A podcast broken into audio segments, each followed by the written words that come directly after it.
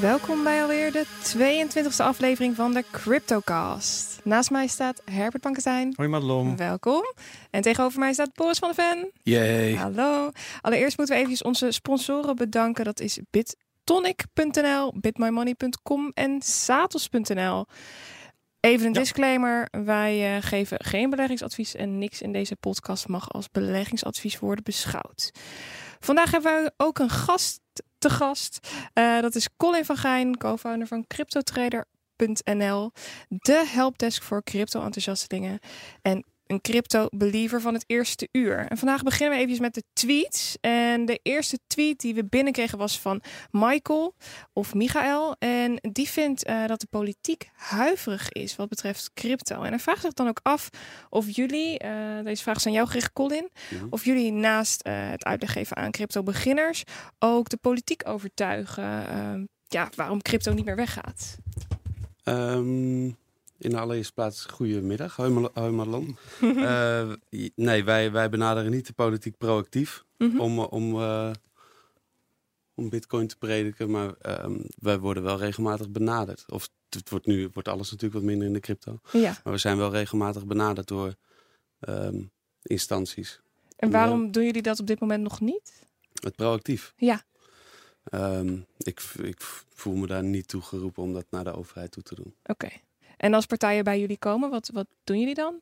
Eh, we, we verschaffen gewoon informatie, maar het is heel vaak dat ehm, men weet het gewoon niet. Hè? Ze Mhm. weten niet wat is crypto en ze vinden het allemaal eng. Hè? Dat herkennen we allemaal natuurlijk wel toen we er helemaal toen we er net mee begonnen.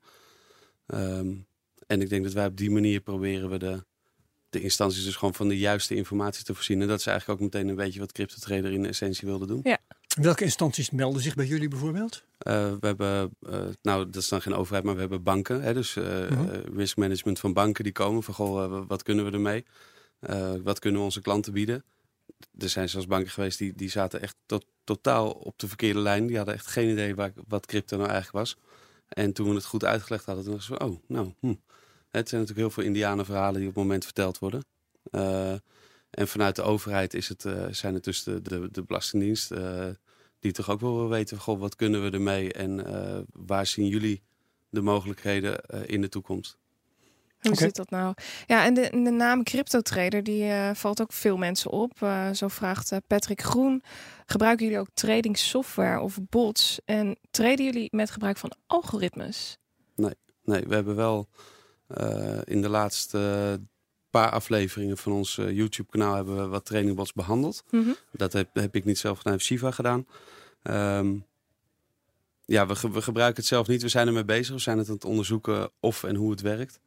Maar eh, nee, ik heb er nog zelf nog geen resultaten van. En die trading eh, die getest zijn, hoe, hoe is dat verlopen? Die, die lopen, die, die, draaien nu. Dus we hebben een aantal nog, Raspberry Pi's hebben we draaien. En die, die zijn, dus, zijn dus bezig. Maar er- ik, ik zou de resultaten nog niet weten. Nog even kijken of er straks een jackpot uitkomt. Ja. Ja, ik, ik denk het niet. Maar eh, een trainingbot is natuurlijk, gaat, gaat je geen jackpot opleveren. Een trainingbot zegt in de marge natuurlijk eh, Ja. kle- kleine winsten halen. Ja. Maar wel omdat het een robot is natuurlijk continu. En een continue stroom van eh stuivers is ook een hele hoop geld. En waar denk je dat er dan meer winst te behalen valt? Als tradingbot of als trader zelf? Ja, dat is heel moeilijk te zeggen. Een trainingbot kan het heel goed doen. Ik heb in het verleden bij, bij Martin, die zit ook in ons team, heb ik het gezien. Die heeft er heel veel geld mee verdiend. Mhm. En dan zat er een foutje in de bot. Of eh, er kwam een situatie eh, in de markt waar de bot geen raad mee wist. En die treden zijn hele wallet leeg. Dus, gewoon in, dus die maakte 100.000 transacties in een uur. En het was weg aan training fees. Hè? Zo. Ja, want dat- als er dus een foutje in een bot zit, dan is het ook weg. En heb je dan verhaal? Of, Nee. nee? Nou, kun je, niet- kun je niet ik zeggen weet, tegen de eh, Toen de tijd zeker niet. Ik, ik weet niet hoe dat tegenwoordig zit. Want die bots die wij nu eh, aan het testen zijn, die zijn van bedrijven. Hè. Die bieden dus een bot Mhm. aan. Ja. Ik, ik, nou, ik denk, het lijkt me niet. Ik denk niet dat je ze aansprakelijk kan stellen voor, eh Nee. voor geleden Maar dan is het een dure hobby om onderzoek te doen naar Ja. tradingbots. Het is ook Ja, een wijze les ons, het is voor ons experimenteren. Hè. Dus, je- dus je, we zetten er een klein bedrag in en we kijken gewoon of het werkt. En verder, het gaat ons niet om het geld verdienen. Het gaat ons puur om de techniek.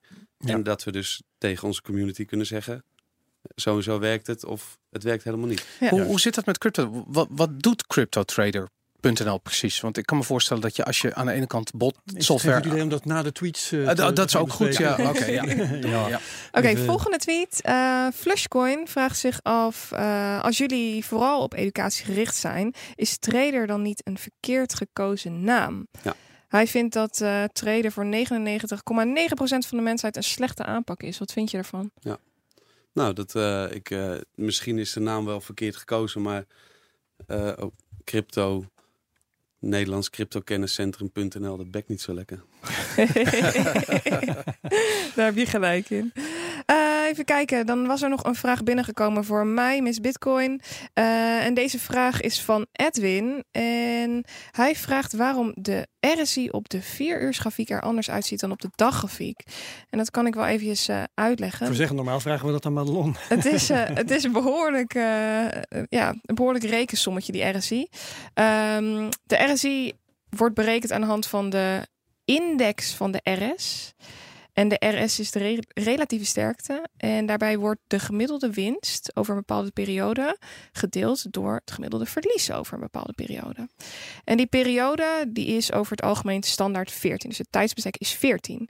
Maar nu is het zo dat op het moment dat jij een eh candles van 1 uur pakt, dat hij dan 14 keer candles van 1 uur pakt. En op het moment dat jij candles van een dag hebt, pakt hij 14 keer candles van één dag. Dus dat betekent dat je op de grafiek een hele andere, of op de RSI een hele andere lijn krijgt. En dat is eigenlijk hartstikke logisch. In die Omdat de 14 prijzen waarop die sluit en opent zijn anders op een moment van als je een hele dag neemt dan als je een Ja, uur neemt. precies. En op de hele dag zul je zien dat die veel rustiger verloopt. En op, eh, op de 4 uur zal de RSI sneller op de 70 zitten dan, eh, dan dat hij op de dag zou zitten. En dat duurt dan wat langer. En daardoor kun je daarmee spelen. En dan kun je ook naar de kleinere timeframes gaan kijken om al te kunnen zien aankomen waar de RSI naartoe gaat. En om ook in inschatting te kunnen maken of die eventueel op de één dag ook die kant op zou kunnen gaan. Dus dat is, eh, is eigenlijk heel, heel simpel uitgelegd hoe een RSI in elkaar zit. En ik zou zeggen, experimenteer er vooral mee. Ehm, dan gaan we nu naar het nieuws. Eh, deze week bespreken we ook weer het nieuws. En dan wil ik graag beginnen met Collins nieuwtje. Heb je een nieuwtje meegenomen? Eh, ja, ik zag hem toevallig, ik zat net in Twitter te kijken, werd er ook naar gevraagd. De samenwerking tussen eh, Litecoin en TokenPay. Mhm.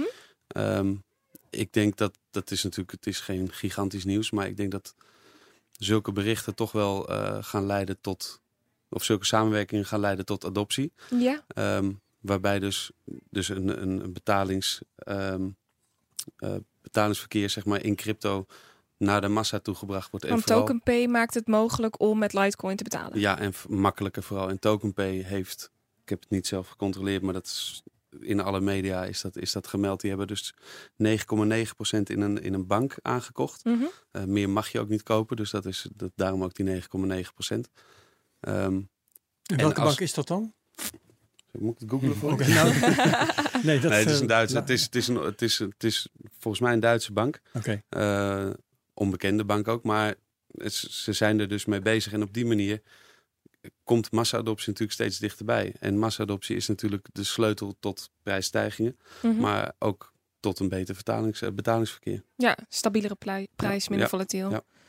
Oké, eh, Boris, jouw nieuwsje. Ja, een nieuwe week, een nieuwe hack. En dat, eh, dat, dat lijkt wel echt het geval te zijn. Want de afgelopen drie weken was het iedere keer raak. Deze keer is Bancor aan de beurt, een decentrale exchange. Daar is maar liefst 12 miljoen aan ether gestolen. Mhm. Eh, wat opvallend is, is dat Bancor eh, ooit een ICO deed voor het bouwen van die de- decentrale exchange. Daar kwam 153 miljoen dol- dollar uit. En wat ze gebouwd hebben in die exchange is een, ja, iets wat je zou kunnen omschrijven als een soort backdoor. Eh, en die is gewoon keihard misbruikt. Ehm, en wat Bancor zelf heeft gedaan, ze hebben natuurlijk een eigen token, eh, die, die, of een eigen coin. En die coin die is, ehm, eh, die, daar was ook vrij veel van gestolen. Maar Mhm. door een bepaalde techniek die ze hebben ontwikkeld, konden ze dat, die hele chain op pauze zetten en dat weer terugdraaien. We hebben het over een decentrale exchange. Ja. Ik bedoel, hoe bizar dat, je, dat je dat soort betaling kan terugdraaien. Maar oké. Ja. En voor mij is dit gewoon maar weer een voorbeeld. Wat een, wat een krankzinnigheid we mee te maken hebben. Dat je een, een project waar maar 153 miljoen do- dollar eh, in is gestoken, dat die mensen het bedacht hebben om een soort backdoor functionaliteit te bouwen. Eh, dat, is een, dat is vragen om ellende. Nou, dat is nu ook gebeurd. Ja.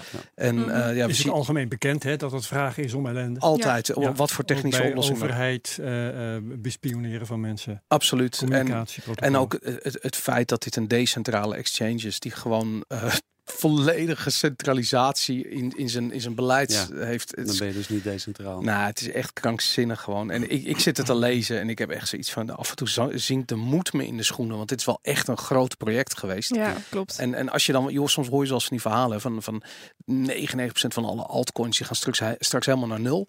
Dit is waarom dat zo is. Weet Ja. je, omdat Mhm. dit gaat allemaal aan het licht komen. Bij al die projecten. Ja. Er is overal wel wat mis. Het is uiteindelijk zijn het Is het, is het misschien een menselijke eigenschap? Eh, Ik, ik krijg de indruk dat founders die dan eh, in, in woorden de ideologie van decentralisatie wel huldigen, dat die het toch moeilijk vinden om zelf die decentralisatie compleet in te bouwen. Die willen toch ergens weer controle hebben. Ja, maar dat Ja, m- of- moet ook wel als het op zulke manieren fout kan gaan. Ja. Het is niet per se menselijk. Ik denk dat het hoort bij het runnen van een bedrijf. Het is heel erg ja. moeilijk Ja. voor, voor mensen vandaag de dag, en zeker ondernemers, om na te denken over decentralisatie van je Ja. businessplan.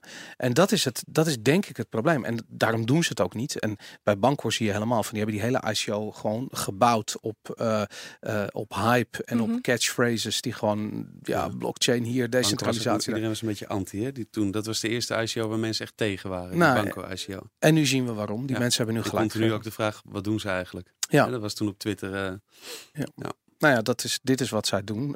Backdoors inbouwen Ja. in techniek. van een aangekondigde hack, Ja, als het ware. Absoluut, Ja. inderdaad. Jammer. Eh, Herbert, jouw nieuwtje. Ja, nou, jullie weten langzamerhand wel dat ik gefas- gefascineerd ben door voorspellingen. Mhm. En eh, er waren weer een paar hele leuke van. Het, het, het patroon dat ik zie, dat is dat eh, als je ergens voor bent, eh, dan voorspel je dat dat gaat gebeuren. Als je ergens tegen bent, dan voorspel je dat dat gaat gebeuren. Zo hadden we deze week drie top-economen die voorspelden dat de bitcoin wel naar de bliksem zou gaan. Joe Stiglitz, Nobelprijswinnaar, was er één van. Hij hij blijft dat maar doen, hè? Ik bedoel, dat, dat, Eh, dat zal eh, best elke drie maanden komt hij weer terug. Ja. Dan zegt hij dat weer hetzelfde. Wist ik eigenlijk niet, maar dat geloof Ja. ik graag. Ehm, eerder hadden we het natuurlijk over de voorspellingen van Charlie Schramm en John McAfee voor de afgelopen maanden. Die eh, voorspellingen die snel te controleren waren en ook net zo hard in, zelf naar de bliksem gingen. Ja. Maar nou wordt het leuk. De eh, oprichter van, ik weet niet eens hoe ik het moet uitspreken, 10x. Ja, Ja. 10x. Die eh, ziet eh, als mogelijkheid voor dit jaar een bitcoin van 60.000 dollar. Oké. Denk ik, oké, het zal wel. Mhm. Ehm, daar zullen we gauw genoeg wat kunnen controleren, want het jaar is alweer bijna om. Ehm, een voorlopig onbekende eh, bitcoiner, hoe noem je zo iemand, eh, die heeft een weddenschap afgesloten in Australische dollars dat ehm, de bitcoin eh, in 2023 evenveel waard zal zijn als een aandeel Berkshire Hathaway. Oké. En dat komt neer op een eh, dollar of eh, 280.000 Ja. Nou, in Dat is een leuke 2023? in 2023, is over vijf jaar. Het is ook En lekker wat- veilig ver in de Ja. toekomst. hè? Ja, nou ja. veilig, maar wat hij inzet is een bedrag van 8 miljoen Australische dollar. Oh, oké. Ja. Dus hij zet er wel echt geld op in. Oké. Ja. Dus hij heeft wat dat betreft dezelfde mentaliteit als John McAfee, die eh, ook nog een voorspelling heeft lopen voor 2020, zoals jullie weten. Die we scherp in de gaten houden. En die trouwens eh, eh, op dit moment meer dan 50% achterloopt. Ja. Ja. Hè, dat houden we ook in de gaten, die prediction tracker. Maar nu komt de voorspelling waar ik het echt over zou willen hebben. Want, ehm, even kijken, de naam van eh, Daniel Kravis. Die, eh, de, dat is een, eh, nou ja, ook een of andere vroege bitcoiner. Die voorspelt dat er in 2030 de bitcoin een waarde zou kunnen aannemen van, eh drumroll, wait for it, 100 miljoen dollar. Fantastisch verhaal. En ja, Dus. krankzinnig verhaal. Hij sluit er volgens mij geen weddenschap op af. En dat is aan de ene kant is het volkomen absurd, maar ik vond het toch leuk om, hier, om het hier even in de groep te gooien. Omdat, eh, ja, ik, ik ga dan met. Het is op, op basis trouwens van het idee dat de Bitcoin dan de hele we- wereldeconomie voor zijn rekening zou Ja. nemen. Hè? Dus dat Ja. alle betalingen ter wereld in Bitcoin zouden Hij gaan. noemt Nou het ook hyper-bitcoinization. Hyper-Bitcoinization, Ja. inderdaad. Die term heeft hij niet zelf bedacht overigens. hoor. Oh. Nou, het klinkt in ieder geval een beetje Ja. overdreven. Ehm, en eh, ik, ik moet dan on- onmiddellijk denken aan wat zijn dan de gevolgen? Wat gebeurt er dan? Wat, wat, wat is er voor nodig? Mhm. En nou, een van de dingen waar ik dan onmiddellijk aan denk... is dat iedere no-no die nu 0,1 bitcoin eh, koopt... eh, die eh, heeft, eh, en, en dat is, het kost nu 500 euro of iets dergelijks, Mhm. die heeft dan eh 10 miljoen dollar Mhm. en hoeft dus gewoon niet meer te werken. Ja. En alleen al op grond daarvan geloof ik het niet. Nee. Maar de vraag is natuurlijk, is die 10 miljoen dollar wel genoeg om een brood te kopen? eh, in, Nou, eh, ja, dat, dat- zou ook nog weer Want dat is wat er voor nodig is, hè? Ik bedoel, moet-. Plus het feit Ja. dat als de bitcoin de hele economie voor zijn rekening neemt, dan zijn er niet eens meer dollars. Dus hoe Nee. kun je dan Nee. zeggen dat die 100 miljoen dollar, dollar waard is? Ja. Hooguit Equivalent in van. termen van levensonderhoud en dergelijke. Maar dan krijg je dus ook dat, eh, dat je dan een hoeveelheid geld hebt met je 0,1 bitcoin. Dat je de rest van je leven eh, stilletjes kunt leven. Ja, maar het is wel echt, bij, die, bij, die, bij dat gedachte-experiment hoort ook dat op het moment dat Bitcoin alles overneemt, dat betekent dat alles ook in elkaar klapt. En dan, dan Ja. krijg je dus echt de dollar gaat meemaken, wat, wat de Venezuela, Venezuelaanse, eh, wat is het, de Bolivar, weet ik wat, nou, Ja. die niet natuurlijk, maar zo goed, de, de munt die ze daar hebben. Ja, ja. Ehm, eh, en wat we nu De in- Zimbabwe dollar en alles. Daarom, Ja. dat, dat soort eh, eh, scenario's ga je dan krijgen. Ja, en dan is het heel goed mogelijk dat 100 miljoen waard is. Want 100 miljoen is gewoon... Nee, maar, nee, maar Ja. het gaat dan niet meer om dollars. Het gaat dan om de tegenwaarde. Wat, wat heb jij Als je hem- nou, als je hem- Colin? Als jij zegt 500 dollar nu en je hebt dan 10 miljoen, eh, dan gaat die 20.000 keer over de kop. Ja, dat is niet dat eens zo heel al een keer gedaan, denk Ja. ik. Dat is- precies, ja dus dat het- is Het is waar. niet gek. Ja, maar, Maar de het is wel- verwachting is, wel dat dat langzamerhand eh, dat tempo Weet je, de- eh, wat lager zou worden. Hè? Maar de, de echte early adopters, hè, dus acht, acht, negen jaar geleden, die hebben dat dus gewoon meegemaakt. Ik ben het met je eens hoor. Dus, dat is dus, hè, al in lang gebeurd. is het mogelijk geweest al. Het, Ja. het lijkt dus nu voor ons totaal onvoorstelbaar, maar ja, het, het is al een keer gebeurd. Sterker nog, het gebeurt ook dus in het is een niet jaar. Volgens mij heeft Verge het vorig jaar ook gedaan. Die, die heeft volgens mij 43.000 eh, procent eh, gedaan. Ja, maar goed, dan heb je het over ja. vage altcoins. Ja, de, natuurlijk. Ja, nee, maar dat was Bitcoin ook ooit. En Ja, misschien nog wel steeds.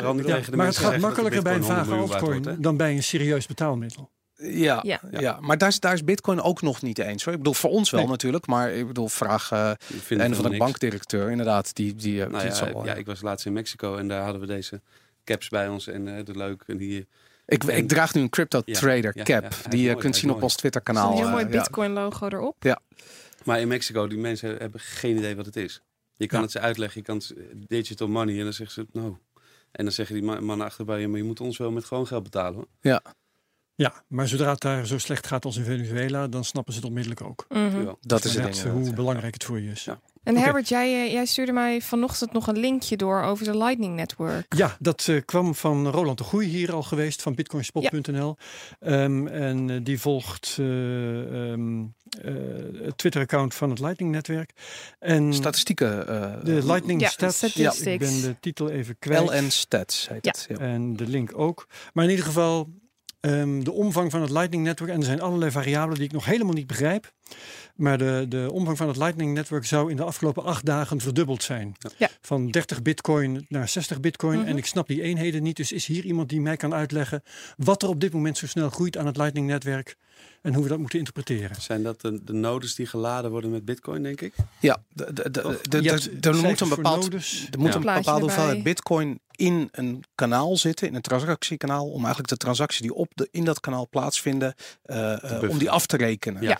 Eh, dus die bitcoin die erin zit, en dat kan nooit al te veel zijn, eh, die staat garant voor die transactie. Met de vergelijking die ehm, eh, Ronald hier heel mooi maakte was, bitcoin is in dat systeem met goud, waarop de papieren eh transactie, gaan, valuta, ja. Eh, even even ertussen. maar dat betekent dat als daar nu in totaal in het hele Lightning Network eh 60 bitcoin eh, capaciteit in zit, dan betekent dat je daar dus in feite op elk moment 60 bitcoin aan transacties zou kunnen doen. Ja. En het wil niet zeggen dat je maximaal 60 bitcoin aan kan trekken, want ik Nee. kan jou een euro overmaken en jij En mij weer een euro en dan is het eh, resultaat is nul. Ja. Dus dat, eh, ehm, dat is natuurlijk een ding. Wat interessant is aan die statistiek is dat eh, op 1 juli was het nog maar 30 bitcoin. Dus Ja. het, heeft, het is verdubbeld In eh, in deze maand. Kun je dan ook zien waar dat vandaan komt?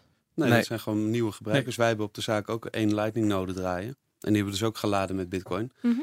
Wat heb je erin gaan gezet? Hoeveel bitcoin heb je erin gezet? Drie of zo. Drie bitcoin, dat is echt heel veel voor een Ja, zitten met een groep, hè. Ja, Nee, maar hoe groter je node is, Ja. hoe meer eh, Ja, transacties natuurlijk. er overheen gaan. Ja. Ja. Want En je bent het geld niet kwijt natuurlijk. Nee, maar dan gaan mensen een connectie maken met onze noden. En als je eenmaal een connectie hebt, je moet zoveel mogelijk connecties Mhm. krijgen met andere mensen en nodes. Ja. Dan krijg je dus straks, is je dus je netwerk heel groot, ga je heel veel transacties verwerken, krijg je dus meer Je verdient Fees daar Ja. Ja. Ja. Nou ja, ik vond hem. eh, eh, er is een, eh, eh, een security analyst die heet J.W. Weatherman. En die heeft een, eh, een tweet hier over de wereld ingestuurd. Gisteren of eergisteren volgens mij. Waarbij hij zegt van. Eigenlijk kan iedereen een bank zijn. Op het moment dat je een eigen Lightning node draait. Wat jullie dus hebben gedaan. En je hebt daar wat in geïnvesteerd. Dus je zet er wat bitcoin in. Dan ja, je krijgt rendement. Omdat alle transacties die over Ja. jouw node gaan. Daar verdien je aan mee. En dat, eh, dat is nu natuurlijk in Satoshis wordt het uitgedrukt. Maar ja, als we die hyper-bitcoinization straks hebben. Dan is dat eh eh, Nou, en als je nu een node opstart, ehm, je, je moet dus een full client downloaden. Hè, dus je moet de hele blockchain Ja, ik downloaden. heb het ook gedaan, ja. En eh, je zet bitcoin erop en, en die gaat transacties verwerken vanzelf. Dus Ja. als wij straks een connectie hebben en jij, tenminste, ja, Madelon wil wat aan jou betalen, maar wij hebben een node en jullie hebben, ja, dan gaat hij dus zo rond. Ja. Verwerken wij dus allebei de helft van jullie transactie. Van Ja. mij naar Herbert, naar Boris en weer terug Ja. naar Colin. Ja. Ja. Ja, nou en wat, eh, wat interessant is, er zijn allerlei variabelen. Hè. Je hebt dus die eh, aantallen bitcoins die erin verwerkt zitten. Je hebt de aantallen nodes, je hebt de aantallen kanalen. Het zijn allemaal cijfertjes. Mhm. Mhm. Die groeien allemaal op dit moment vrij spectaculair snel. Ja. Niks groeit zo snel als die verdubbeling in aantal bitcoins in acht dagen. Ik heb de statistieken er even bij gepakt. Ja, nou, dat is dus dit wat ik nu zie, dat zijn de cijfers van één moment. En die moet je dus gaan vergelijken met eerder. Ja. Eh, als je kijkt naar die aantallen bitcoins, dan was het eh, half juni was het 25 bitcoin. Dus die groei tussen 1 en 8 juli nu net, die is wel heel spectaculair snel geweest. Ehm, dus het wordt heel interessant om te volgen, wil ik eigenlijk maar zeggen. hè. Het is nu eh, echt in de kinderschoenen. Ja. En het, we krijgen hele spectaculaire groeicijfers, denk ik, de komende weken. Moeten we echt hier in de gaten houden bij de Ja. CryptoCast. Ja. En eh, dan eens kijken waar we over een half jaar staan. Nou, en ik vind het ook heel interessant om jouw updates te horen over hoe het is om een eigen Lightning node Ja. te draaien. En naarmate er meer eh, gebruik wordt gemaakt van het Lightning Network, gaan jullie natuurlijk wat meer. binnenkomt. Ja, of dat echt werkt. Want dat is natuurlijk wel de, eh, eh, ja, de, de Nou, je gedachte. ondersteunt het netwerk en je krijgt ervoor betaald. Maar dat is natuurlijk ook een gedeelte voor je stroom, hè, van je server. Mhm. Natuurlijk. Goed. Eh, mijn nieuwtje. Ik had eh, nieuws over Zuid-Korea. Want Zuid-Korea die... eh, ik zal even het statement voorlezen wat ze, wat ze aangeven. South Korea is officially recognizing crypto exchanges as regulated banks. Dus dat betekent dat Zuid-Korea nu bitcoin exchanges, crypto exchanges, eigenlijk hetzelfde behandelt als reguliere, gereguleerde banken. Dat is spannend. En dat is wel heel erg interessant. Dus dat betekent dat exchanges in Zuid-Korea nu ook de KYC moeten aanhouden en eh, anti-witwasbeleid en dergelijke om eh, daar live te mogen blijven. En zijn. niet mogen whitewa- whitewashen. Dus ze mogen de prijs Ja, niet manipuleren. Ze Daar mogen hebben we net het voor de uitzending al. eh, omhoog pushen. En daarmee de market cap van bepaalde coins. Wa- Precies. wa- wat we zagen gebeuren eh, begin, of het is halverwege vorig jaar, toen er ontzettend veel volume uit Korea kwam, waarvan, waaronder Bitcoin Cash, waaronder het merendeel gewoon eh, Bleek nep te zijn. ja, bleek nep te zijn. Dus eigenlijk mensen zijn zichzelf aan het verkopen en, Mhm. en kopen van zichzelf en verkopen aan zichzelf. En daardoor lijkt het volume toe te nemen. Maar dat, dat gebeurt natuurlijk in werkelijkheid helemaal niet. En dat mag gewoon niet meer dan. Nee. Fascinerend. is dit, Dat is is dit goed of slecht nieuws voor crypto? Ik vind het hartstikke goed nieuws, omdat er nu eindelijk wat gedaan wordt aan de manipulatie op de, op de Ja, crypto ja. exchanges. Maar daarna stond er nog iets in het stuk. En dat hebben ze een beetje weggemoffeld, had ik het idee. Want Zuid-Korea die gaf aan dat ze in december bijna 1,8 miljard aan crypto's bezaten. En Zuid-Korea is tot het land. Oké, en Zuid-Korea is tot nu toe het enige land die daar überhaupt uitspraken over gedaan heeft. Maar ze Ja. zelf, dus de, de, de Staatskas. De, sta, in de staatskas. Ja, 1,8 het land miljard aan. Korea. nou, de, de- ik, volgens mij heb ik daar een paar weken geleden iets over gezegd. Omdat Noord-Korea toen ervan verdacht werd, om zo te zeggen, eh, dat ze bitcoins aan het hamsteren waren. Mhm. En minen ook Ja. trouwens, doen ze Ja. ook. Ja. En, en eh, toen ging het erover, dat we, daar had ik ergens een stuk eh, over gevonden, dat, eh, dat dit een eh, strategie zou kunnen zijn voor landen Ja. Om hier snel in te stappen. Hè? Dus je kunt allemaal gaan zeggen van ja, als wij nu instappen, dan maken we Korea rijk. Mhm. Maar als je niet instapt, dan worden anderen Ja. rijker dan jij. Precies. Ja, Dat dus is het. dat spelletje, dat wordt nu blijkbaar gespeeld. Ja, ik weet En- niet en hoeveel er nog is- van over is nu, want dit, was, eh, dit zijn cijfers uit december natuurlijk.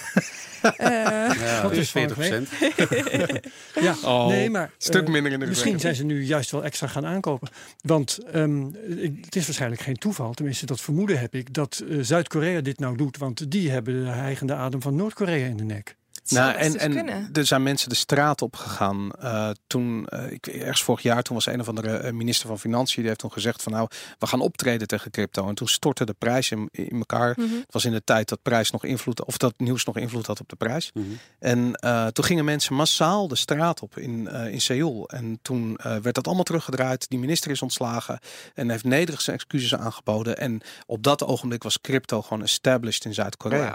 Maar het interessante is inderdaad, ehm, in principe, het maakt geen sens voor een, voor een overheidsinstantie om te zeggen dat ze aan het aankopen zijn. Omdat als je dat doet, dan gaat de prijs gaat door het dak. Dus daarom vraag ik me ook af of zij daadwerkelijk dat zelf die crypto hebben. Of dat dat in die exchanges zit. Maar goed, ik, ik ga dit nu gelijk uitpluizen. Ja. Want ja, als zij dit doen. Van Zwitserland bestaat het vermoeden dat ze doen. Bij Malta, van Malta bestaat het vermoeden dat ze doen. Mhm. En er zijn nog wat, ja, Belize. En je hebt nog wat landen in Afrika waar hier Ik en heb daar. zelfs wat- geruchten gehoord dat hier in Nederland ook wat gaande is. Oh ja? Ja. Nou ja, als, Ja. Dat gaat, als dat gaat ontploffen, dan gaan we inderdaad heel snel naar nieuwe all-time dat highs. En betekent dan- dus dat er nu gewoon al landen zijn die gewoon crypto aan het opkopen zijn. Hoe, Aan het hamsteren. ja, Ja. Hoe vet is dat? Of En als juist misschien niet. bitcoin- Misschien moeten we er wel helemaal niet blij mee zijn. Want dat betekent dat ze ook heel erg de koers kunnen beïnvloeden natuurlijk. Ja, maar ja. Nou, niet als alle landen erin zitten, want eh, dan kan één land niet zo heel veel uitrichten. En dan moet Dat- En dan moet je het op een akkoordje Ja. gaan Dus gooien met andere. Ja, dat is ook zo. Ja. Nou, ik vond het in ieder geval een, eh, Heel, een heel leuk spannend. bericht. Ik ben wel benieuwd welke crypto ze kopen hoor. Dat Ja. moet, Wat denk je? Ja. ja, bitcoin. Ik bedoel, Ja. als ze andere Sowieso. dingen gaan kopen, Ja. dat zou Ja. krankzinnig zijn. Ja. Dat, eh, ja. Eh, prijsanalyse. Ik ehm, begin deze week eventjes met wat anders. Want ehm, de koers ging afgelopen week, eh, ja, vooral de laatste dagen even wat naar beneden. Eh, terwijl we aan het begin van de week toch wel een gestaagde stijging zagen. En ik dacht, ik gooi even een polletje op Twitter. Want ik ben wel benieuwd wat onze Twitter-volgers daarvan vinden. En eh, we hebben 376 reacties gekregen in 24 uur. En eh, ik vroeg, zijn jullie nou bearish of zijn jullie nou bullish? en het overgrote deel is toch echt wel bullish. Anders waren ze toch geen volger van ons. 76% geeft aan dat ze nog steeds bullish zijn. Dus er is Ja. nog geen man overboord, geen paniek. Het zijn hodlers. We hebben Ja, hodlers. We hebben Ja. allemaal hodlers. Maar het is wel zelfselectie natuurlijk. Hè? Iemand die eh, schoon genoeg heeft van crypto, die gaat Die gaat niet onze podcast volgen. niet luisteren. Nee, maar het was wel leuk om, eventjes, eh, om even te zien dat mensen Ja. nog niet de moed eh, zijn verloren. En, eh, In elk geval kunnen we elkaar stevig vasthouden daar op. CryptoCast.nl. Ik, ik vind, mag, mag ik jullie daar wat over vragen? Ik wil jou vragen, maar ik ben ook Ja. benieuwd wat, wat Colin ervan vindt. Ehm, je hebt dat, dat, eh, eh, dat, de gedachte dat er bepaalde fases zijn die zich herhalen. Ja, als je de het hebt cycles. over de cycles, cycles, inderdaad. ja. En aan het einde van de bear trend zit paniek. mhm. Hebben jullie de paniek al gezien in Bitcoin Nee. of in crypto? Ik niet. Heb jij hem gezien, Colin? echte paniek? Echte De paniek. paniek, paniek. Echt gillen en rennen over straat. Die is toch al lang geweest in januari. Ik, Nee, dat dat is is geen paniek. Dat was geen paniek. Nee, dat is zagrijnigheid, desillusie. Ik weet niet, maar paniek. Nee, dat. eh, Ja, maar Hoop dan- dat het toch nog goed komt. Als we die paniek krijgen, dan gaan we nog een keer naar de, naar de 3000 dollar nu. Of misschien 500 dollar. Eh, Ik bedoel, Nee. lijkt me niet sterk, maar, Nee, maar nee. dat is paniek. Daarvoor is hij nu al te, te wijd verspreid. Of te Ja. goed, te, te, te Ja. evenredig verdeeld al. Ja. Maar Maar 2500 dollar wordt algemeen genoemd als bodem- en paniekmoment. ja, Toon V, eh, dat is ook zo'n Bitcoin-analyst, die, die heeft het er ook al maanden over. Had ik maar wat beter geluisterd. Ja.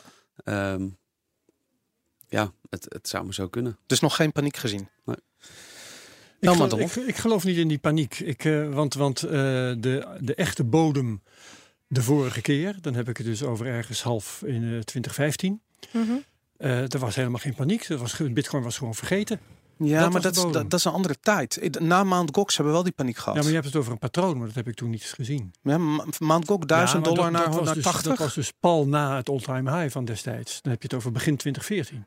Maar pal na de all-time high zijn we naar beneden gegaan. Daarna gingen we weer echt goed omhoog. Ja. En daarna vielen we naar beneden. En toen was het echt dat mensen gewoon huilend... eh, ja, Ja, dat, Oké, ja, die nou ja. paniek is vaak een 90% of meer eh, eh, eh, retracement. Dus dat, ja, we zitten er tegenaan, Ik heb, maar ik heb de paniek gewoon nog niet gezien. toevallig onderzoek gedaan naar bubbels eh, voor een scriptie. En eh, uit, die, uit die scriptie kwam dat bij 82% retracement de gemiddelde bubbel weer langzaamaan oploopt. En dan hebben we de South Sea bubbel, de goudbubbel, de Bitcoin bubbel. Alle bubbels meegenomen die eh, interessant waren. Dus nog dan zit je op eh 82%. Ik weet nu niet uit mijn Nou, hoofd. Dus, hoeveel, 83 nog wat heb ik een keer gezien. Dus daar zaten we sowieso. al Nou. 70% omlaag geweest. Oh. Nou, Ja. 70% Van omlaag 20 naar 6. kunnen we nog even. Eh, maar goed, de prijsanalyse. Eh, ja, we hadden dus die hele mooie eh, gestaagde downtrend. Nou ja, mooi kan, mag ik hem eigenlijk niet noemen. Maar hij ziet er wel heel mooi uit. Eh, vanaf mei dan. En eh, we braken daar twee weken geleden opwaarts uit. En ik gaf jullie al aan dat volume, jongens, dat zit me echt dwars. Dat, ik Ja. weet niet wat ik daarmee moet.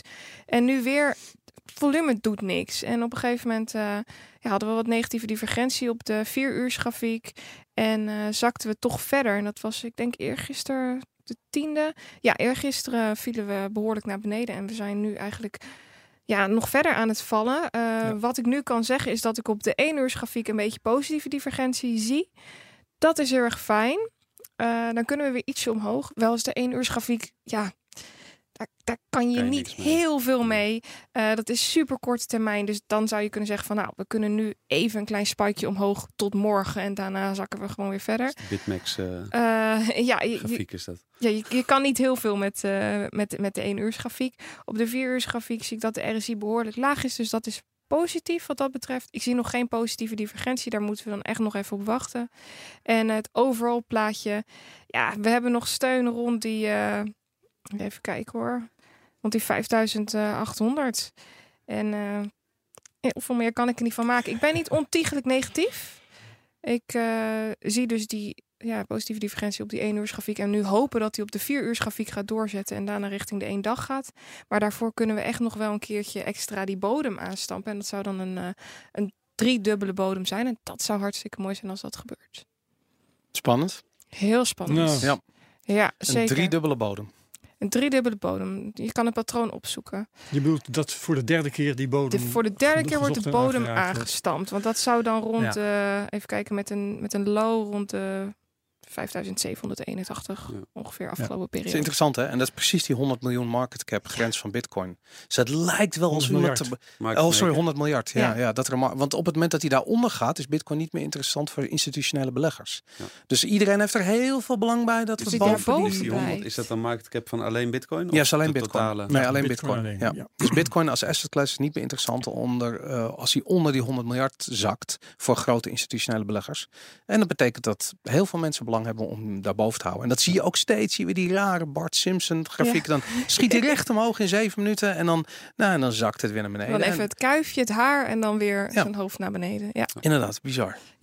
Eh, dus dat qua prijsanalyse niet ontiegelijk negatief. En ja, op de korte termijn eh, kunnen we nog wel eventjes omhoog eh, afgelopen of de aankomende paar dagen. Ehm, dan nog eventjes de McAfee prediction tracker. Je hebt hem Ja, net al eventjes genoemd. Die staat op min eh 51,5 procent. Ja, dat dacht ik wel. Dus we staan eh 51,5% achter op wat de bitcoin nu zou moeten hebben in een mooie gelijkmatige vlucht omhoog. En hoeveel naar dagen 1 is dat? miljoen. Pardon? Hoeveel dagen is dat? Iets van 130 of zo? dat Dus sinds de, de eh, voorspelling van John McAfee? Nee, ik bedoel hoeveel dagen we dan nu achterlopen Oh, dat is een goeie. in dagen uitgerekend. In dagen uitgerekend. Nou, eh, een half procent per dag. Dus dan eh, lopen we zo'n eh, dikke 100 dagen achter. Oké. Geven wij John McAfee niet iets te veel credits in de cryptomarkt? Nee, het is een spannend eh, verhaal. Nee, het is leuk dat het... Is we een- willen weten hoe het afloopt. We willen graag het gerecht eh, Ja. zien klaargemaakt worden. Het wordt een Maar live het is- Het uitzending. is een loterij zonder nieten. Of we krijgen 1 miljoen per bitcoin. Ja. Of we Ja. krijgen een prachtig schouwspel. Maar zijn, kijk, zijn, zijn voorspelling gaat nergens over. Ik bedoel, het is gewoon maar iemand die iets roept. Maar aan de andere kant heb ik zoiets van, nou ja, laten we dan de, het gedachtenspel voortzetten van, oké, Ja, dat- als dat waar is, als die 1 miljoen dollar dan in zicht is. Dat, ooit hebben we dat gehad met de 1000 dollar grens van bitcoin. Ja. En toen was het, Nou, oh, als dat ooit 10.000 gebeurt. was ook ongelooflijk. Ja, Daarom, dat waren giga En 1 miljoen gaat er ook weer zo in zijn. Dat is gigantische psychologische barrière. Alles op zijn tijd. Ja. Eh, we gaan weer beleggen. De beleggingswedstrijd. Oh. Virtueel, hè? Virtueel. Virtueel beleggen, Ja. absoluut. Gelukkig. Zeker. In februari eh, zijn jullie in ieder geval begonnen, eh, Boris en Herbert, Ja. met 1000 dollar. En Virtueel. Virtueel geld.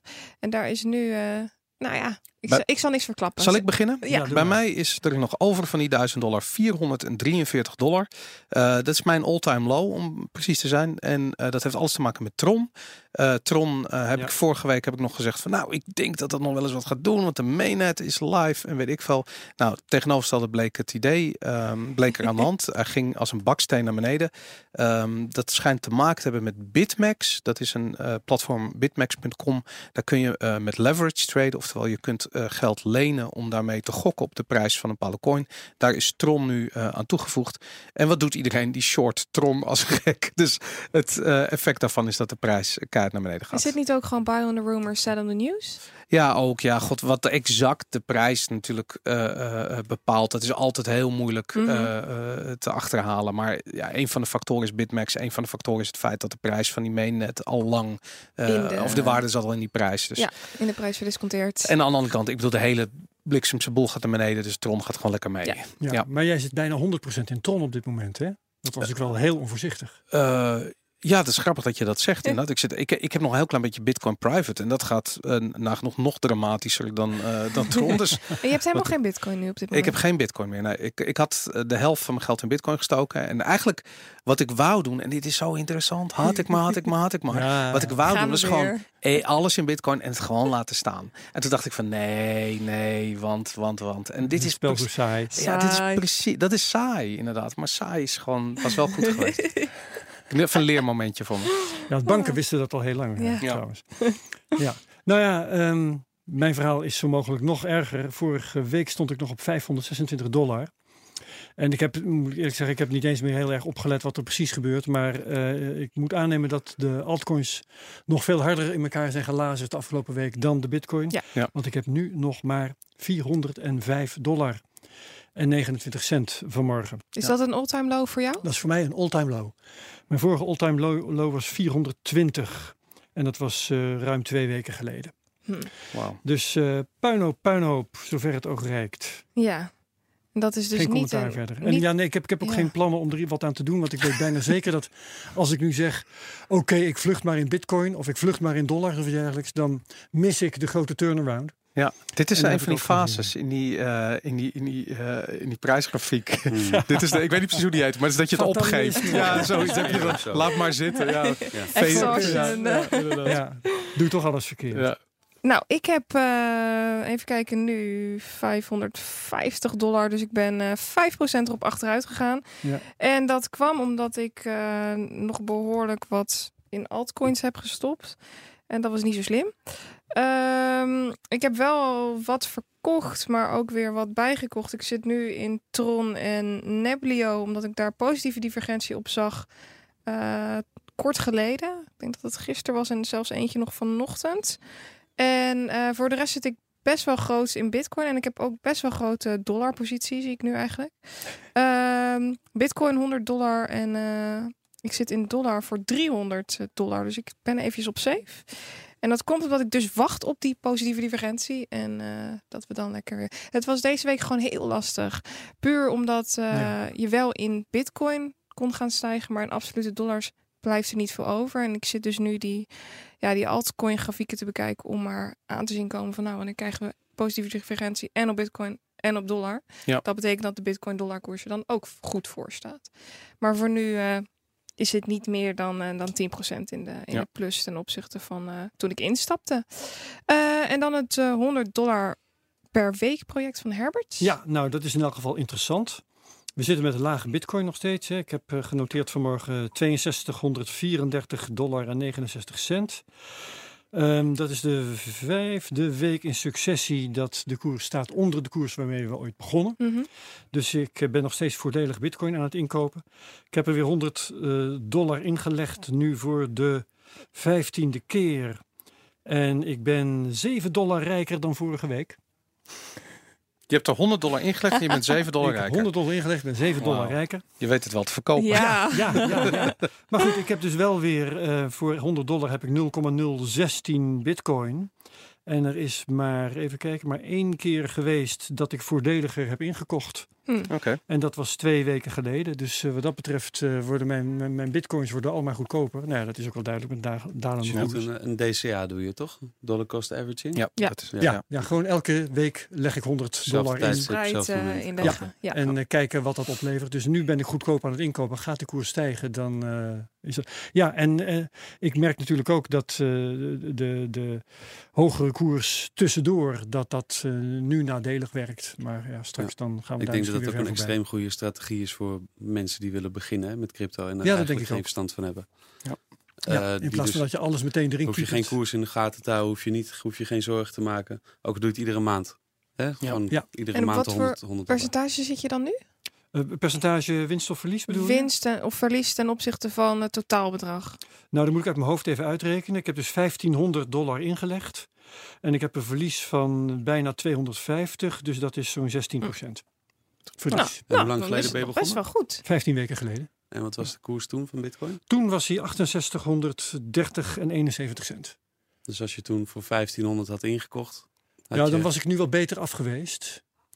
Eh, want ik, even kijken, is dat waar? Nee, Nee, niet dan was je slechter moet je geweest. Ja, zo moet je het zeker bekijken. Ja, maar dat dus heb ik wat nog had niet je toen helemaal je uitgerekend. toen 1500 had ingelegd. Dat gaan we aan het eind analyseren. Nou, allemaal. als, jullie, even wat anders gaan doen, dan reken ik het nu uit. Laten wij het over crypto trader gaan hebben. Ja, we gaan het over crypto traden hebben. Colin van Gijn, ik had jou eh eergisteren aan de telefoon. En Ja. eh, op een gegeven moment zei je, wacht even, ik moet even, even de deur open doen. En toen kwam er een, eh een pizza courier of een...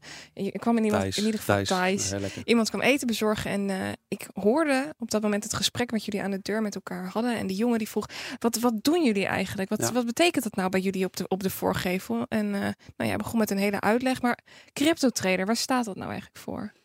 Ja, die jongen die, die, die vroeg dus, eh, die zag dus cryptotrader.nl op de gevel staan. Die Mhm. zegt, nou, eh, wat leuk. Ik wist, eh, die jongen komt ook uit Hilversum, dus die, die wist geen eens dat we er zaten. Ehm hij zegt, ja, wat doen jullie dan? Nou, wat, wat wij doen, het, het beginidee was wij helpen mensen met het ehm, ontdekken van crypto. Mhm. dus om de valkuilen weg te halen, om de, eh, het moeilijke eraf te halen. Eh, eh, toen, toen we dit begonnen, ik, ik zelf wilde zes jaar geleden crypto kopen en dat lukte gewoon niet. Ben ik een week bezig mee, bezig geweest, het lukte me gewoon niet. Alles was moeilijk en ehm, toen kon ik nergens hulp krijgen. Op een gegeven moment is het wel gelukt. En ik dacht op een gegeven moment, dacht ik van weet je wat, ik ga zo'n kantoor beginnen en dan kunnen mensen daar binnenkomen lopen. Ondertussen zijn we zelf bezig met crypto. Dus, hè, dus we verdienen door de synergie daar, om daar met z'n allen te zitten, verdien je al geld. Of in ieder geval verdien je, eh, ha- haal je kennis op bij elkaar, waardoor je dus elkaar tot Kan hogere... versterken. Ja. Ja, Kun je daar wat voorbeelden van geven? nou, wat wij hier nu doen, wij zijn hier nu aan het overleggen. Ja. Je hebt het over een coin, eh, bijvoorbeeld eh Bancor. Ja. En ik eh, wilde hem net gaan kopen, alleen ik had het nieuwtje gemist. En als je met z'n zes op kantoor zit en je, je zit bij de koffieautomaat, bespreek je al meer als dat je in je eentje in een hele dag op internet kan lezen. Ja, ja. Ja. ik, ik, ik heb een video van jullie gezien eh, waar eigenlijk live bij jullie op de redactie een, een avond eh gevolgd. Volgens mij was Ja. het een livestream. Ja. En op een gegeven moment had iemand anderhalve bitcoin verdiend met het verkopen van Neo. Ja. En toen ontstond er een eh, gesprek waarbij de vraag rees van waarom heeft hij het gekocht? Waarom heeft hij het verkocht? En wat doet hij nu? Ja. En dat vond ik heel interessant, want hij had geen technische analyse gedaan, maar had het gewoon eigenlijk gewoon op zijn gevoel had hij Neo Ja. gekocht. Die heeft toen om onduidelijke redenen, die, of tenminste reden die ik niet weet, een, een flinke spurt gemaakt. Eh, hij is daar uitgestapt en vervolgens is hij naar beneden gegaan eh, en heeft hij, is hij weer ingestapt. Weer, En ik had echt zoiets van wauw, weet je, dat, dat, dat, deed ik live, was vorige week. ja, dat was vorige week Ja, en dat klopt. Ja, inderdaad. Ja. Oh, jij, jij was dat aan het doen. Jij, jij hebt die Neo Ja. gekocht. En, en ik had daar echt zoiets bij van, het, het doet me de ene kant heel erg denken aan hoe ik begon toen ik nog eh, het interessant vond om te traden. Ehm, aan de andere kant had ik echt zoiets van, waar zit de centrale gedachte in cryptotrader.nl? Ja, niet. nee, het is echt- gewoon... Het ging echt puur om kennis delen. Ik had ook niet verwacht toen, toen we dat begonnen. Dat was dus vorig jaar juni. Eh, het idee was natuurlijk al een paar maanden eerder al. Toen was Bitcoin was nog helemaal, helemaal niks. Niemand had het erover. Het was niet in het nieuws. Ehm, ik hoor zelfs nu spotjes op de radio voor Ja. Bitcoin. Ja. En eh, dit, dit programma wordt gesponsord. Ehm, dat was ondenkbaar hoor, vorig jaar januari. Ja. Dat het al zo mainstream zou zijn. Mhm. Ik had eigenlijk verwacht van, weet je wat, we zitten daar lekker met z'n allen bij elkaar. We doen een beetje bitcoin trading en die, die koers die zal wel rond de 750 dollar blijven, want daar hing die toen op. Ja. En vorig jaar januari ongeveer. Ehm, en als er dan over vijf jaar een, eh, hè, dat een beetje adoptie komt, dan eh, gaan we wel eens kijken wat we gaan doen qua verdienmodel of weet ik veel. Want jullie hebben nu geen verdienmodel. Dit doen jullie allemaal op vrijwillige basis. Ja, maar we, het is ook niet zo dat we daar de hele dag eh consulten zitten te geven. Mhm. Ik bedoel, eh, ik, in het begin was, was ik, had ik geen openingstijden op de site staan. Nou, toen liepen dus ook te pas en te onpas mensen binnen. Hartstikke leuk. Hebben we nu wel teruggeschroefd naar de vrijdag. Want het werd helemaal in de boeren van januari of van, van de, eind vorig jaar december werd het heel erg druk. En dan kwam je dus niet meer aan je eigen training toe. En iedereen werd helemaal gestoord van maar die mensen die maar Ja. binnenkwamen. Want ja, je bent zelf een trade aan het doen. Ja, je wilt toch die mensen helpen. En dan kom je terug en dan, oh shit, vergeten te klikken. Dus die Maar er lopen dus gewoon fysiek mensen binnen. Het is nu alleen nog op vrijdag, eventjes voor de duidelijkheid. En hoeveel Eh, mensen krijg je dan langs op vrijdag? dat verschilt. Soms, soms zitten er eh, zelfs in deze tijden gewoon weer 20 of 25 binnen. En eh, soms twee op een dag. Maar dat, dat ligt een beetje aan het weer. Het is natuurlijk prachtig weer buiten. Mhm. Ja, dan gaan die mensen ook liever op het strand liggen. Dat snap Wat komen die wel. mensen doen? Eh, mijn ledger eh, moet ik updaten. Het lukt niet. Ja, Eh, je ja, kan nergens terecht. Ja, bij ons wel. Kom je even binnenlopen. Vinden we leuk. Helpen we je even. Ja, wat Hey, wij, hebben, wij hebben het al al honderd keer gedaan, dus het is voor ons een koud kunstje. Eh, ik, ik wil mijn Ethereum overschrijven, maar het lukt niet. En dan zeg je, ja, maar je moet even je gas even verhogen. Oh, is dat het? Hey, je kan mensen door even aan tafel te zitten. We hebben grote tafels staan bij ons met, met lange banken eraan. Ehm, er zitten mooie stopcontacten in de tafel, dus er kunnen gewoon 20 laptops op een rij. En daar zitten de mensen ook elkaar nog te helpen. Dus zonder dat ik of iemand van ons erbij komt. Ja, dat werkt natuurlijk ook. dat werkt natuurlijk ook. Alleen het Ja. fysieke contact heb je natuurlijk met alle toetsenbordridders in de cryptowereld. ja, je komt elkaar nooit tegen, je ziet elkaar nooit. En bij ons is het een bakje koffie en eh, gezellig. En Maar het is puur vrijwilligerswerk, zeg maar. Ja, Ja. iedereen die erin zit ook bij Ja. ons. en komen er dan ook mensen langs die echt totaal geen benul hebben van wat crypto is? Ja. En wat, wat, wat- waar begin je dan? Wat doe je Ja, dan? dat is inderdaad heel moeilijk. Daar hebben we er een, eh, een aantal van eh, gehad. Geef je dan ook echt een cursus? Of Ja, we geven, we geven sowieso eh, een beginnerscursus. Ehm, dan geven we nog met eh, Bitcoin Bootcamp geven we nog, eh, of we, dat doet Erik, doet dat bij ons op het kantoor. Die geeft daarmee dus echt traderscursussen. Mhm. Ehm, daarmee leer je gewoon eventjes je, je, je trading skills. Dus ook het, het emotieloos traden. Ehm, waarmee dus wa- wat jij zegt, hè, de, de, de, de RSI uitlezen en de, op welke candles je welke beslissingen moet nemen. Mhm. Ehm, die cursussen die, die geeft Erik bij ons op kantoor. Nou, dat geeft ook alweer een synergie. Want die, hè, die heb je dus toch weer mensen binnen. Kan je weer even kletsen erover, weer praten. Weer kennis delen. En het is het, dat, dat is natuurlijk het allerbelangrijkste. Maar ben je, loop je niet het gevaar dat je elkaar ook gek maakt? Weet Ja. je? Ja, nee, absoluut. Als wij in, eh, in, in de boeren van december, als we daar een, een oude rot of weet ik veel, een, hè, want ik ben zwaar boel en iedereen was natuurlijk Bitcoin believer en we gaan naar de moon en to the moon en het Ja. houdt nooit meer op. Daar had toen even iemand tussen moeten zitten. Die had gewoon moeten zeggen, jongens, weet je, haal er eventjes de, de helft of driekwart van je geld eruit. Want Is er niemand geweest die dat tegen je gezegd ja, heeft? wel, maar ja, goed, dat zijn dan van die mensen die komen een keertje aanlopen en denken, Ja. wat weet jij nou van crypto? Ja, ja, daarom. Ja. ik ben hier toch de kenner. Ja, wij weten het heus wel hoor, wat er gaat gebeuren. Want wij, hè, deze boeren, toen ik eh, vier jaar geleden op verjaardagen bitcoin stond te prediken, dan werd je uitgelachen door Ja, iedereen. Hè, dan heb je Ja. hem weer met zijn met zijn praatjes. Mhm. En eh, afgelopen december was het van, hé hey, eh, vriend, kan je me even helpen? Ja. Kijk, en, en daardoor ga je dus ook al die mensen die dus met supergoed advies achteraf komen, denk je ook van, ja, maar jullie wisten het toen niet. Dus hè, je denkt dat je alles goed hebt. Hoe, hoe kijk je aan tegen het, tegen het, het, het goudzoeker eh, virus eigenlijk? Wat er, en nu is het er een beetje uit, hè? Ja. maar ik bedoel, tot en, met eind, ja, tot en met eind januari hebben we daar echt, Ja. en ik heb daar persoonlijk echt last van Ik gehad. Mhm. Ja, hoe, hoe- kun je omschrijven wat dat is? Ja, wij kregen, wij kregen mensen binnen met, met ICO's. Dat, dat ik na, na de eerste vraag, dat ze al aan het stotteren waren. Hè, dus de eerste kritische vraag sloegen ze helemaal dicht. En het gaat allemaal maar om funding. En ze moeten allemaal maar geld hebben. En, en iedereen wil een ICO en een coin. En nou, we hebben natuurlijk in Nederland ook een aantal voorbeelden ervan gehad. Mhm. Ehm, ja, het is gewoon... ehm, wat, wat doet dat met je? Ja, dat, dat zou ik... Ja.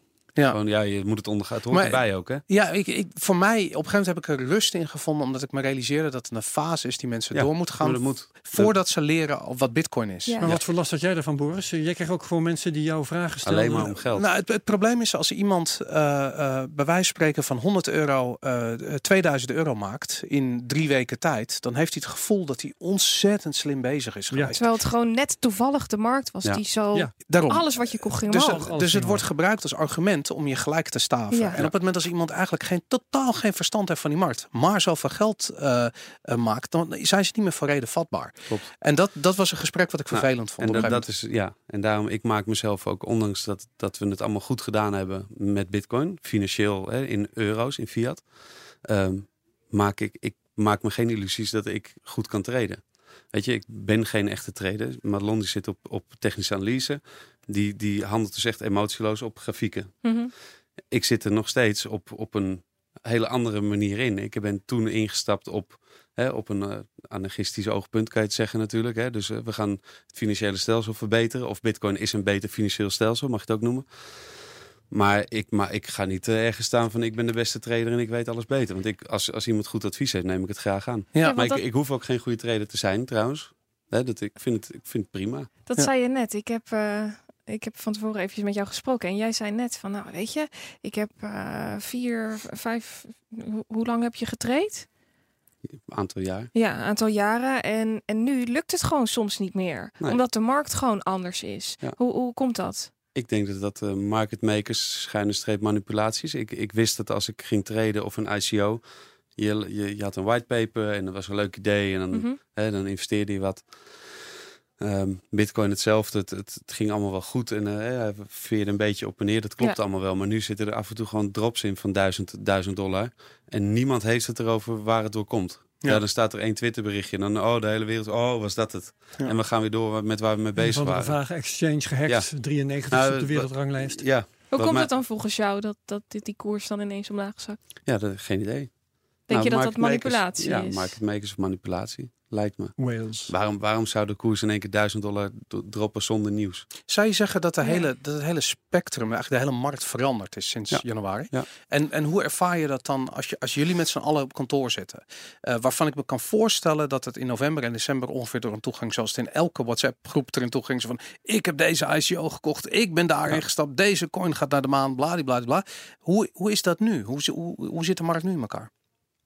Uh, hoe de markt nu in elkaar zit. Alts versus Bitcoin bijvoorbeeld. Of, ik, ik ben voornamelijk naar Bitcoin toe, uh, toegestapt maar gewoon omdat dat een veilige haven is, omdat je mhm. daarvan weet. Hè, als je dus gewoon weer terug gaat naar je eigen basisprincipe van Bitcoin, gaat het toch wel worden. Ja. Dus dan, dan ben ik ook niet bang voor de vliezen. Hè, dan, de, de vliezen die ik zie gebeuren. Ik, ik heb in januari natuurlijk heus wel een gedeelte uitgekest. Niet genoeg achteraf, maar heus wel voldoende om voorlopig even de Bitcoin aan te kijken. Um, en Bitcoin komt er wel. En dat kan nog vijf jaar duren. Want mijn eerste inschatting, toen we CryptoTrader het idee begonnen, was ook ergens 2020, 2022 zal er wel iets gaan gebeuren met Bitcoin. Met de volgende halving. Ja, ja. Nou, dus, dus we lopen gewoon nog, nog vier jaar voor op schema. Nu nog steeds. Ja. Ik. ja, ik zie namelijk wel heel erg die energie wegtrekken uit die altcoin-markt. Ook vanwege Bancor. Dat Bancor nieuwsbericht was eigenlijk een goed voorbeeld van uh, dat, dat je ziet van projecten vallen gewoon na verloop van tijd door de mand. Ze zijn allemaal halverwege vorig jaar tot eind vorig jaar gestart. En nu zien we eigenlijk wat het. Nu komen de projecten komen er. En dan zie je eigenlijk van het doet niet zo bijster veel. Klopt. Um, ja, daar, ik denk dat mensen die er wat dieper in zijn, op een gegeven moment gaan realiseren van ja, maar Bitcoin is, wel aan het innoveren. Daar zitten de ja, ontwikkelaars. Rootstock komt eraan straks. Rootstock mm natuurlijk. Volgens, en... ja, volgens mij is dat er zelfs al, maar dat, uh, dat, dat werkt al. Lightning Network natuurlijk. Uh, uh, privacy lagen bovenop Bitcoin. Allemaal dat soort ontwikkeling die er. Wat ik ook jammer vind is dat uh, de Bitcoin developers en dus ook een, een Gian Bitcoin Cash, dat die vorig jaar in plaats van Bitcoin even positief in de markt zetten, toen we dus mega exposure kregen wereldwijd, dat ze elkaar de, de tent uitvochten over wat voor bloks en uh, wie de machtigste moest zijn. Dus daar had toen ook, maar dat, dat is gedecentraliseerd. Ja. Het moet uh, consensus moeten zijn.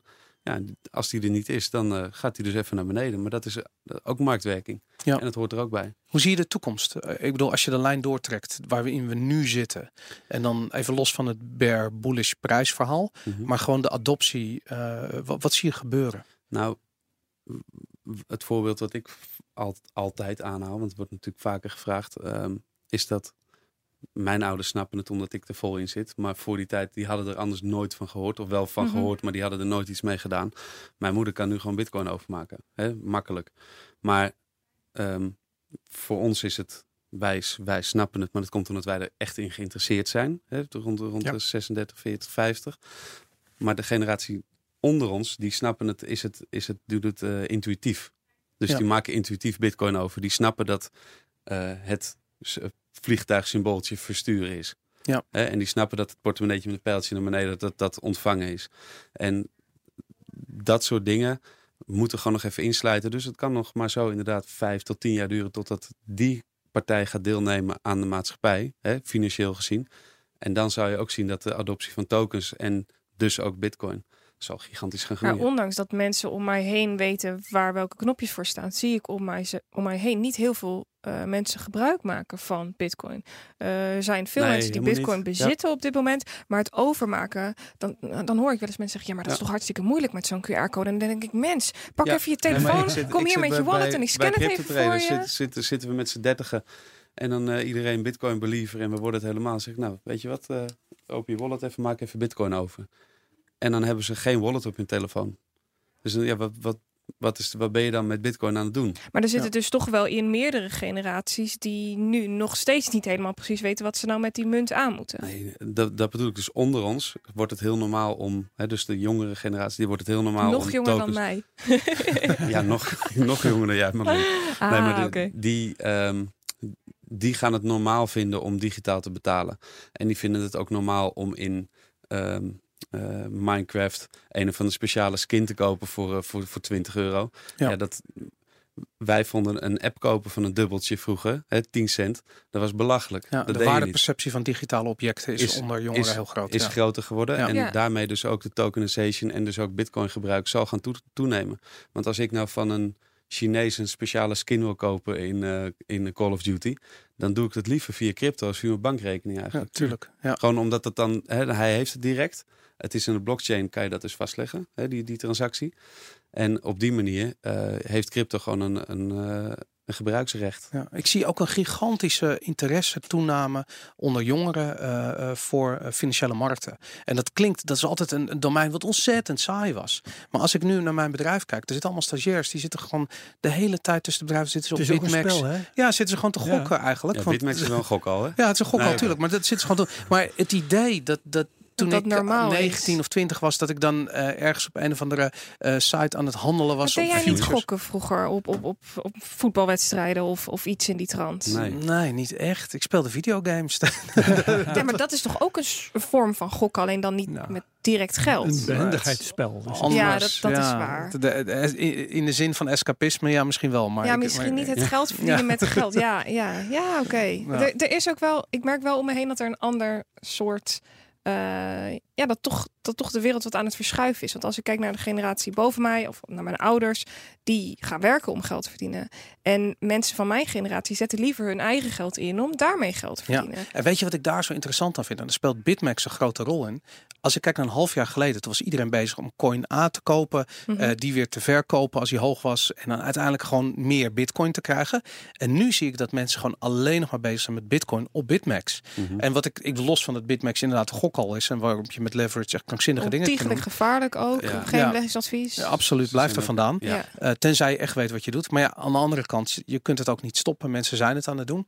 Eh, maar daardoor wordt duidelijk dat ook die, die prijsfluctuaties die je in Bitcoin hebt, zijn. Mhm. Ik bedoel, de periode waar we nu in zitten, is fantastisch om te traden op Bitmax. Want met leverage is een, is een, is, is een eh, prijsfluctuatie van 100 of 200 dollar. Ja, dat wordt opeens heel veel geld. Het lijkt fantastisch, Boris, Juist. maar het is zo lastig om nu de koers in te kunnen schatten, omdat we maar zo sideways Maar dat half is dus niet meer wat ze gemanipuleerd, doen. toch niet. Wat ze doen is, ze treden alleen maar op de gokken. RSI. En dit is gewoon, is die RSI op de 1 minuut charge eh, eh, eh, laag, dan hop, dan koop je en dan ga je long. Ik heb het nooit geprobeerd, maar ik zou het niemand aanraden. Bitmax? Nee. Nee, zeker niet. Maar ik wil wat vragen over Crypto Trader. Ja. Want eh, je- we hebben het gehad over dat bij jullie mensen langskomen, fysiek, eigenlijk heel Mhm. ouderwets. Hè? Ja. Eh, jullie hebben ook een, bijvoorbeeld een chatbox op je site. Ja. Ehm, daar heb ik vandaag nog eh, iemand gesproken. Vincent? Anoniem. Ja. eh, dat was Vincent inderdaad. Ja. En ehm, hoeveel bezoekers, want dat is blijkbaar niet aan tijdstippen gebonden. Hoeveel eh vragenstellers krijg je daar? Op de website. Ja. We hebben, een, ehm, we hebben via de website kan je aanmelden op ons eh, Slack channel. Er zitten nu denk ik tegen de 4000 gebruikers zitten erin. Dus dat is ook weer een hele grote pool met mensen die met elkaar communiceren. Hè. Dus het- Ja. daar kan je, het, kan je je altijd aanmelden. En daar zit, ehm eh, eens even kijken of ik dat kan vinden.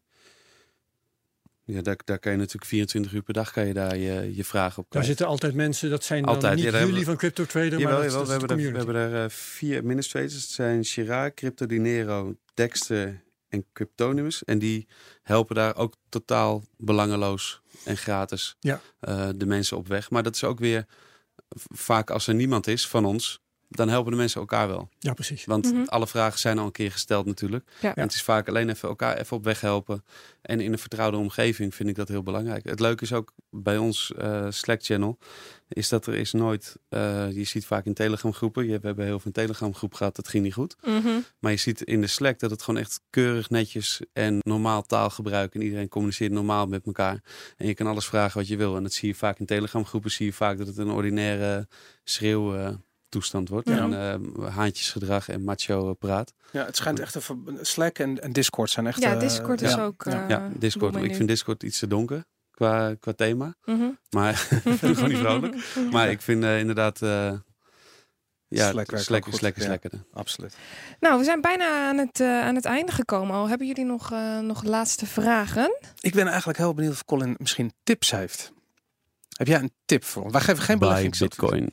Bij Bitcoin. nou, kijk, dat, eh, ja, geen beleggingsadvies overigens. Nee, maar, eh, zeker niet doen.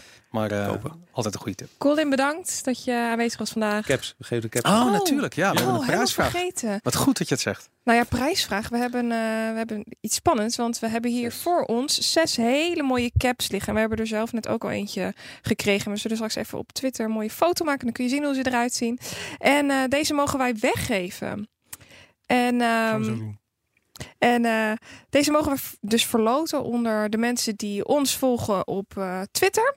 Dat is eh @cryptocastnl en de mensen die cryptotrader.nl volgen op YouTube. YouTube. Subscriben. Dus je moet je abonneren op het kanaal. Dat is, dat is, Abonneren. en dan stuur je vervolgens. Cryptotrader.nl. Ja. en dan stuur je volgens een tweet eh, naar cryptocast.nl waarin je zegt: Jee, ik heb dat allemaal gedaan. Doe me zo'n Ik pet. wil een vet. Dan dan stuur gaat- ik hem naar je op. Ja, Colin gaat Yes. ze opsturen. Hartstikke En dan goed. Zal ik nog eventjes verklappen, want dat vroeg Colin net. Wat was er nou gebeurd als je je 1500 euro meteen, Meteen. de eerste week erin had gegooid?